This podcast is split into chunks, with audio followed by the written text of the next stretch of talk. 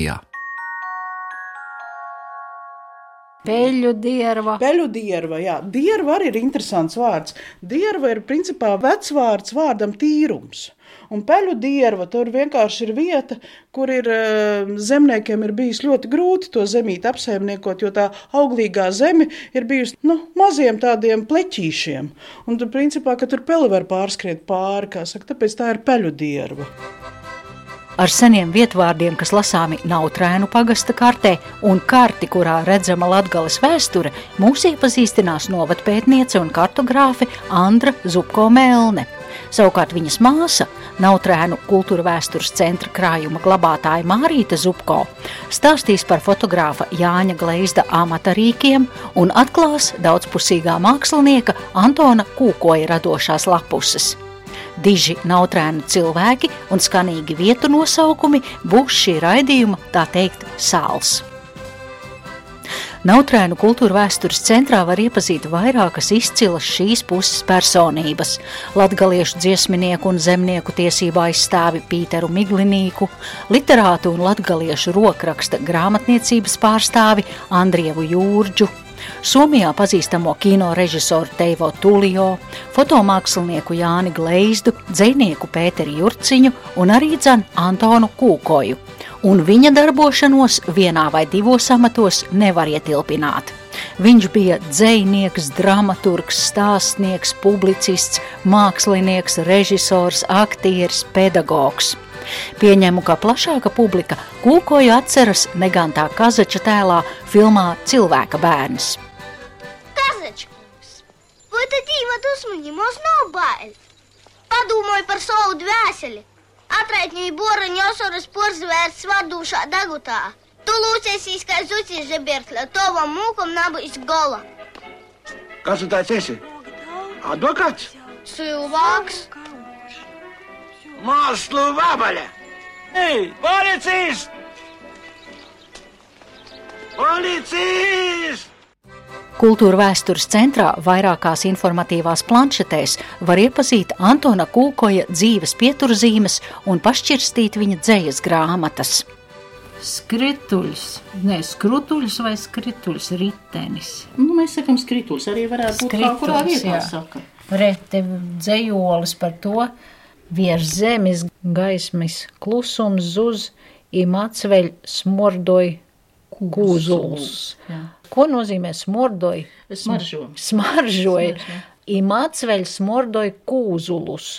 Medus vēl smaržoja bišu stropos, kūzuls bišu strops. Tā, šķirstot Antona Kūka izdoto dzējas krājumu, uzzina, ka kūzuls ir bišu strops. Te ir Antona Kūkoja ar filmām, ar teātra darbību saistītais. Un te arī jā, fotografijas, dekorācijas viņš ir lugām zīmējis. Viņš arī bija reizes tāds teātra režisors. Te ir viņa darbi, grafikas darbi. 15 sezonās Antons ir radījis vismaz 40 dažādu lugu dekorācijas, tērpu skices, bijis gaismotājs, skaņu operators, skatuves strādnieks, labprāt piekritis nospēlēt pa lomai, dažkārt arī pats režisējis iestudējums un rakstījis scenārijas. Antona teātra patiesības ir baušļi, nekad nekavēt mēģinājumus, izrādes izbraukumus, nekad nestrīdēties ar režisoru, viņam galu galā viss labāk redzams, neaizrādīt uz kolēģu kļūdām, necelt lieku paniku pirmizrādes gaidās, tāpat neko vairs nesaglābsi.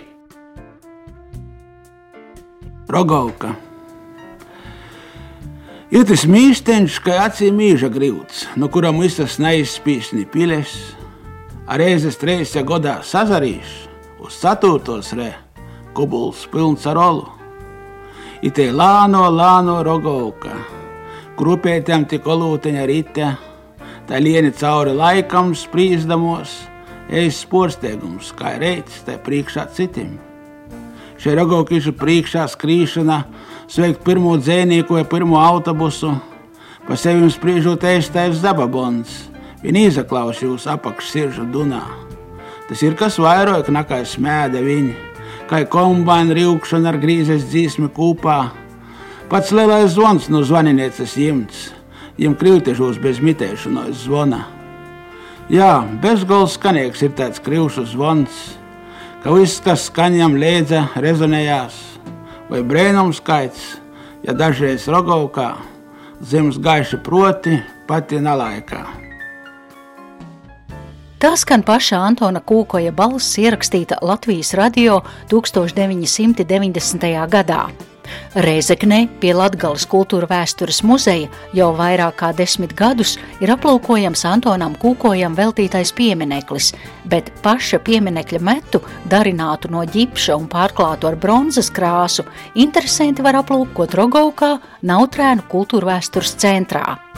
Skatos uz smaidošu latgalieti, žakete vaļā, šķīvi sagriezusies kakla saite, atvērtu grāmatu rokā, droši vien lasa savas dzējas, un līdzās uz parka soliņa nolikts nobružāts portfelis. Tādu Antonu Kūkoju atceras viņa laika biedri. Vaicāja Mārītai Zupko, kāpēc šeit ir novietots pieminekļa mets. Nu, pirmkārt, uh, Antons Kūkojas pats ir no Nautrāna pagasta, beidzis arī Nautrāna vidusskolu, un arī pirmā darba vieta viņš bija kā zīmēšanas skolotājs Nautrāna vidusskolā, un viņš arī ir iekārtojis muzeja ekspozīciju savā laikā šeit. Un tad te ik viens var atnākt un pacelt smags, ģipša portfeli, leļu portfeļa lielumā, bet nu smagums smags ir, jā. jā. Un arī bija tā, ka pieminiekli sākumā strīdējās, kur viņi novietos, jo īsti nebija vietas, un viņi gribēja tur festivālu parkā tā kā likt. Nu, pēc tam mēs jau teicām, ja nekur neatradīsies vieta, mēs labprāt to pieminiekli arī uz Rogauku ņemtu pie sevis. Bet, nu, paldies Dievam, ka viņš atrodas tagad pie Latgalas kultūra vēstures muzejā, jā, un mums ir šis te pieminekļa mets. Blakus telpā pie citiem novadu raksturojošiem eksponātiem ir izlikta Antona Kūkoja glezna, ko mākslinieks ir darinājis pagājušā gadsimta 60. gadu beigās, un tajā ir iegleznota ēka, kura nu jau vairākus gadu desmitus ir redzama etnogrāfiskajā brīvdabas muzejā.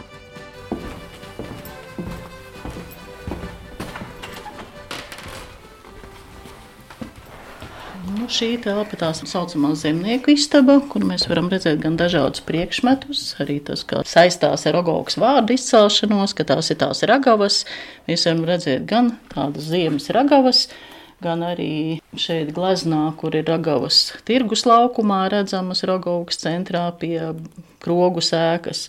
Bet Antona Kūkoja zīmētajā gleznā mēs varam redzēt bruģēto ceļu šeit no skolas, kas iet uz centru, uz baznīcu. Un arī mēs varam redzēt, ka kādreiz 70. gadu sākumā šeit bija pareizticīgo baznīca. Jo mums vispār pagastā ļoti daudz ir eh, katoļticīgie cilvēki, bet ir arī pareizticīgie. Un tad viņiem bija baznīca, šobrīd viņi tātad apmeklē vai nu Ilzas kalnā Kuļņevas baznīcu vai Reizeknē. Un šī te baznīca savulaik tika pārvesta uz Rīgu un ir apskatāma Brīvdabas muzejā. Šobrīd es veros uz lielformāta gleznu, tādos pelēkos pasteļu toņos, ko ir gleznojis Antons Kūkojs. Jā. Šeit mēs redzam Rogovkas katoļu baznīcu ar diviem sarkaniem torņiem, bet tur tas viens jumtiņš starp kokiem un dzīvojamām mājām ar eh, pareizticīgo krustu. Jā. Tad tā Jā. šobrīd to oriģinālu var aplūkot Brīvdabas Jā. muzejā. Vai zināms, kāpēc no šejienes nolēma tieši to baznīcu vest uz eh, Brīvdabas muzeju? Grūti pateikt, bet tur bija tā, ka padomu laikos tur bija noliktava, minerālās noliktava, un pēc tam viņa pārved uz Brīvdabas muzeju. Nākamgad fotomākslas interesanti pieminēs fotogrāfu Jāni Gleizdu 7. maijā svinot viņa simtgadi. Gleizds ir dzimis kaimiņu pagastā Ilzas kalnā.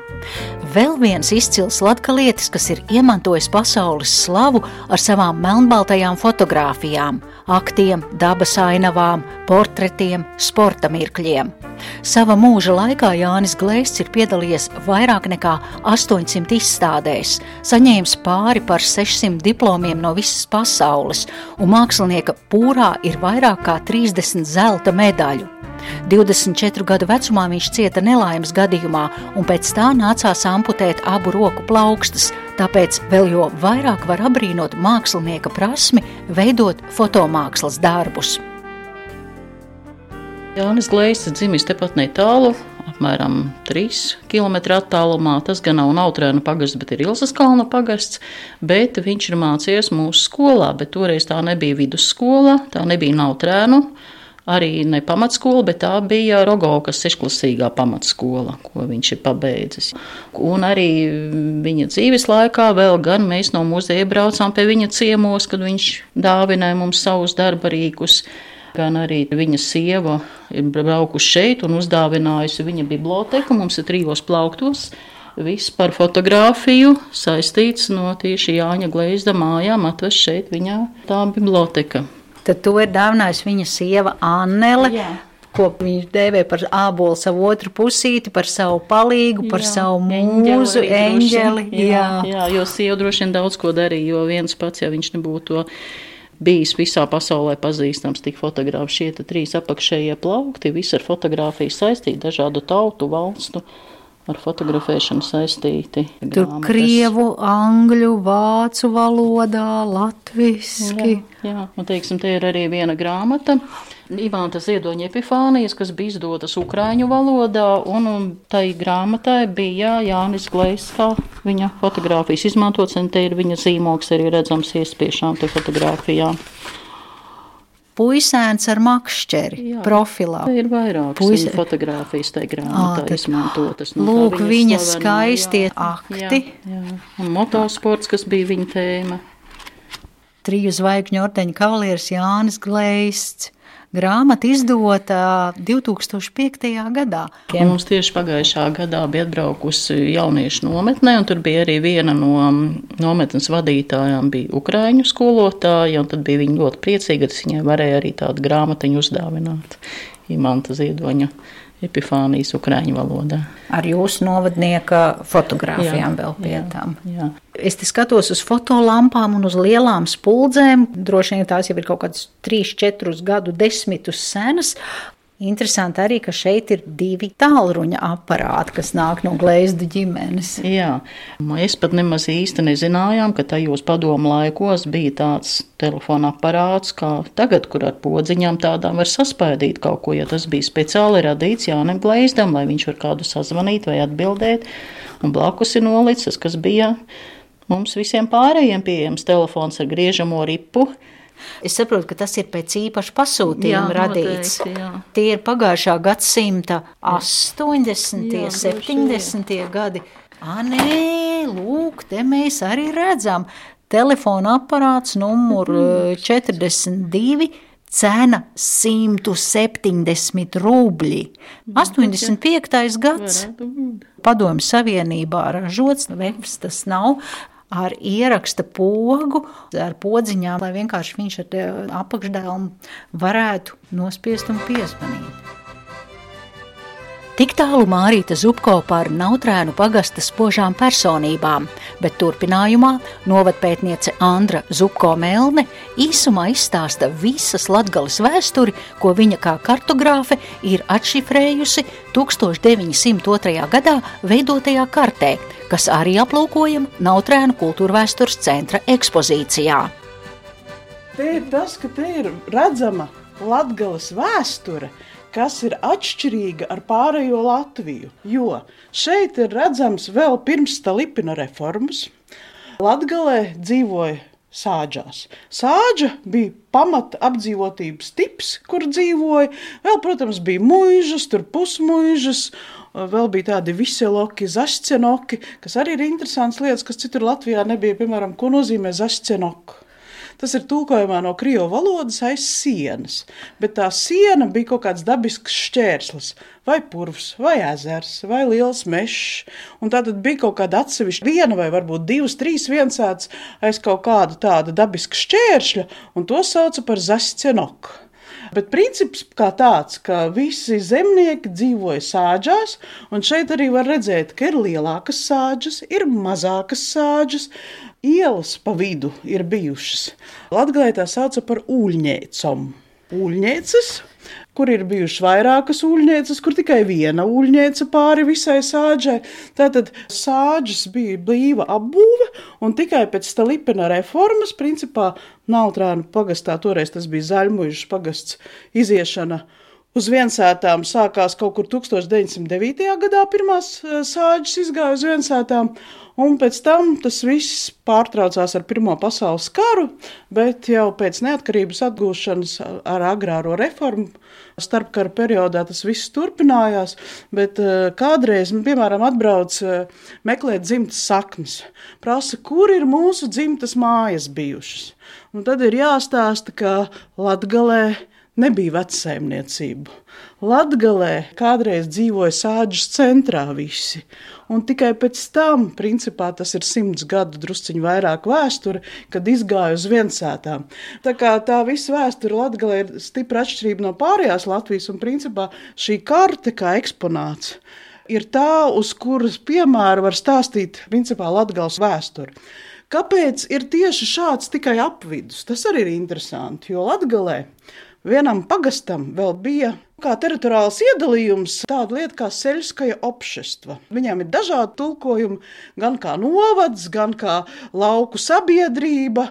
Principā, ja mēs velkam paralēlus ar mūsdienām, Tad līdzīgi ir kā šobrīd, piemēram, Rēzeknas novadā, kad ir viens lielais Rēzeknas novads un ir iekšā piecas pagastu apvienības. Nu, tāpat arī šeit ir bijis lielais pagasts, Un šī ir tieši Zaļmužas seļsko opšestva. Tātad trīs seļskās opšestvas bija tajā bijušajā Zaļmužas pagastā. Bet, kas ir interesanti, šeit ir redzams tikai sāģas, muižu zemes, ir balti pleķi. Tātad šitā, Gribēju teikt, pa vidu ir laukums jā, pilnīgi tā balts. ir muižas zeme, jo seļskajās opšestvās ietilpa tikai sāģas. Muižas, pusmuižas šeit nav attēlotas. Tā kā tie ir interesanti vēsturi, un principā tā karte parāda to situāciju un vairāk var izskaidrot. Un te ir rakstīts, tā kā Dzereuņa ruduki. Dzereuņa, visur ir ģer, ģer, ģer, tā sāģis pie mums sauc par dzerauņām. Tātad dzereuņa, eh, arī te ir rakstīts dzereuņa rasnupļi, dzereuņa žogoti, dzereuņa putraņi. Tie vietvārdi ir ļoti sēni, jo sāģis nosaukums Latgalē ir galvenais orientieris. Tad, kad eh, sadalīja starpkara periodā viensētas, Latgalē nosaukumi ļoti daudzām viensētām vispār netika doti. Bija piemēram Ruduki, viensēta 1, 2, 3, 4, 5. Un galvenais orientieris bija tieši šie ruduki, un tālāk jau tos saimniekus eh, zināja, piemēram, pastnieks, kam ir jāpiegādā pasts. Viņš zināja nereti nevis pēc uzvārdiem, jo uzvārdi bieži vien rudukos bija lielākā daļa arī ruduki uzvārds. Tātad sāģis nosaukums ar uzvārdiem ir ļoti stipri saistīts, bet pēc iesaukām. Un tas iesauka veidot to vietas nosaukumu arī pa šo baldienai. Kaut gan tā saimnieka vairs nav, bet eh, tāda pārmantotība mutvārdu no paudzes paudzē paliek.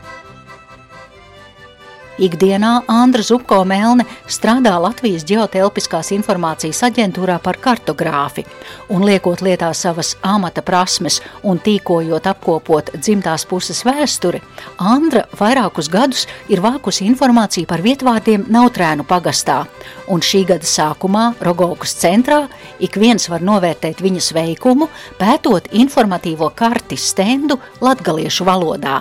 Tajā ir apkopoti vairāk nekā 9 500 dažādu kalnu, sāģu, ceļu un citu vietu nosaukumi, un turklāt rakstībā ir saglabāta nautrēnu puses izloksne, un līdz šim tas ir vienīgais šāda veida materiāls visā Latvijā. Mazāku šī stenda variantu Andra rāda šī ieraksta laikā. Piemēram, ir tādas poškas apseitas. Tur jau sen apses vairs neaug, tur jau viss, kā saka, ir tīrumā. Bet orientieris ir poškas apseitis. Tāpat arī tur ir kalnu nosaukumi.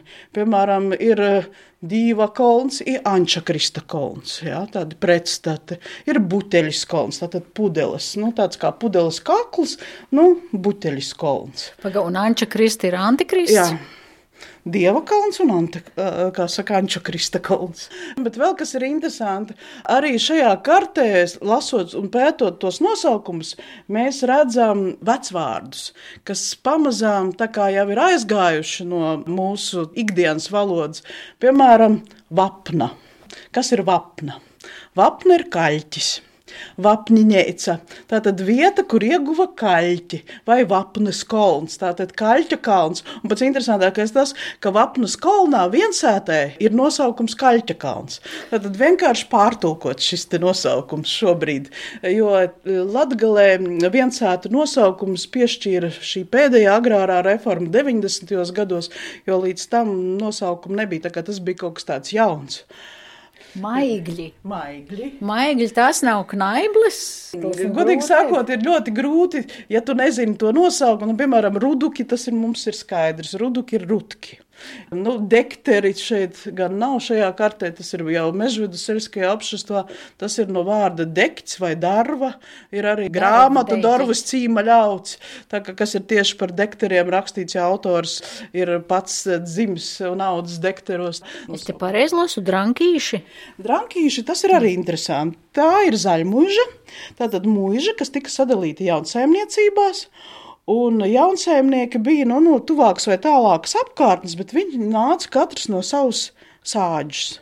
Un, piemēram, tas drankīts nāca no dranku sāģes, upēķīgs no upēķīgu sāģa. Un arī viņš paņēma līdzi šo iesauku pēc tās sāģes, no kurienes viņš atnāca uz jaunsaimniecību, uz to mūžu. Un es te skatos, te ir mozi vojti un līli vojti. Kas ir vojti?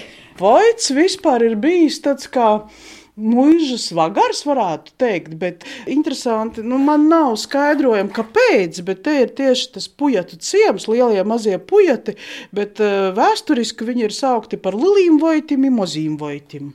Vai es nu pat ieraudzīju, ko jauks nosaukt? Rupucīne. Rupucīne. Mums ir ļoti daudz vietas rupucīņas, rocenoji, vairāki cēņējams. Es, piemēram, pati nezināju, kas ir cēņējams. Izrādās, ka cēņējams ir tāda pļava kas ir kā, nu, līdums, līsts, un tā pļava izveidojusies, ka tas tāds cēņējums.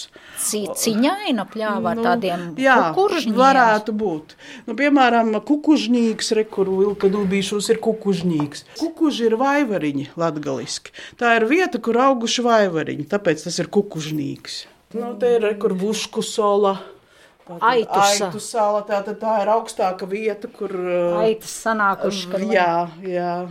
Ir, piemēram, Vindaukas ceļš.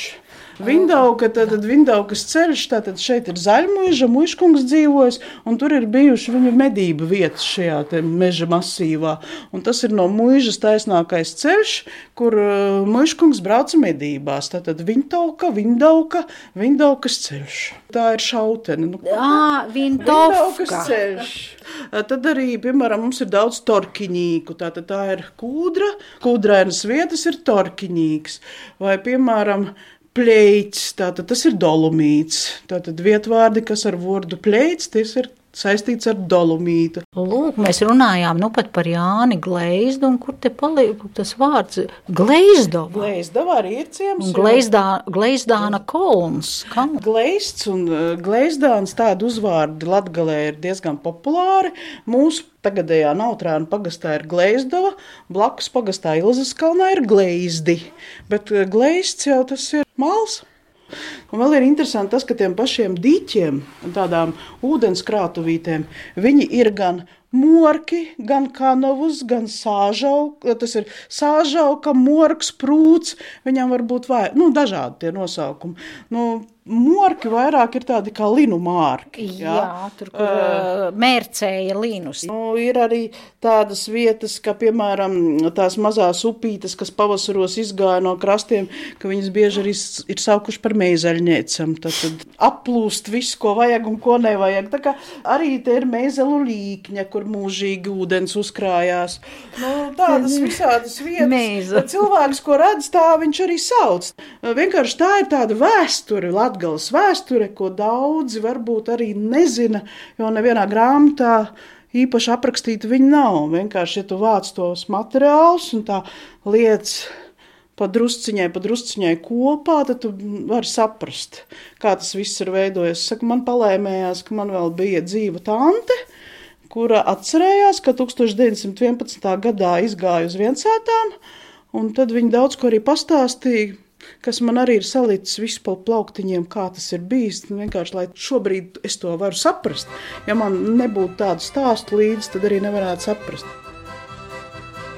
Stāstu par Rēzeknes puses cilvēkiem un vietvārdiem stāstīja māsas, kuru dzimtā vieta ir Vilka dūbīši, jeb latviski sakot Vilka dobīte, Vilka bedre. Manas sarunu biedrenes bija novadpētniece un kartogrāfe Andra Zupko Melne un Nautrēnu kultūra vēstures centra krājuma glabātāja Mārīte Zupko. Raidījumu veidoja Zane Lāce Baltāksne. Vietu lietas.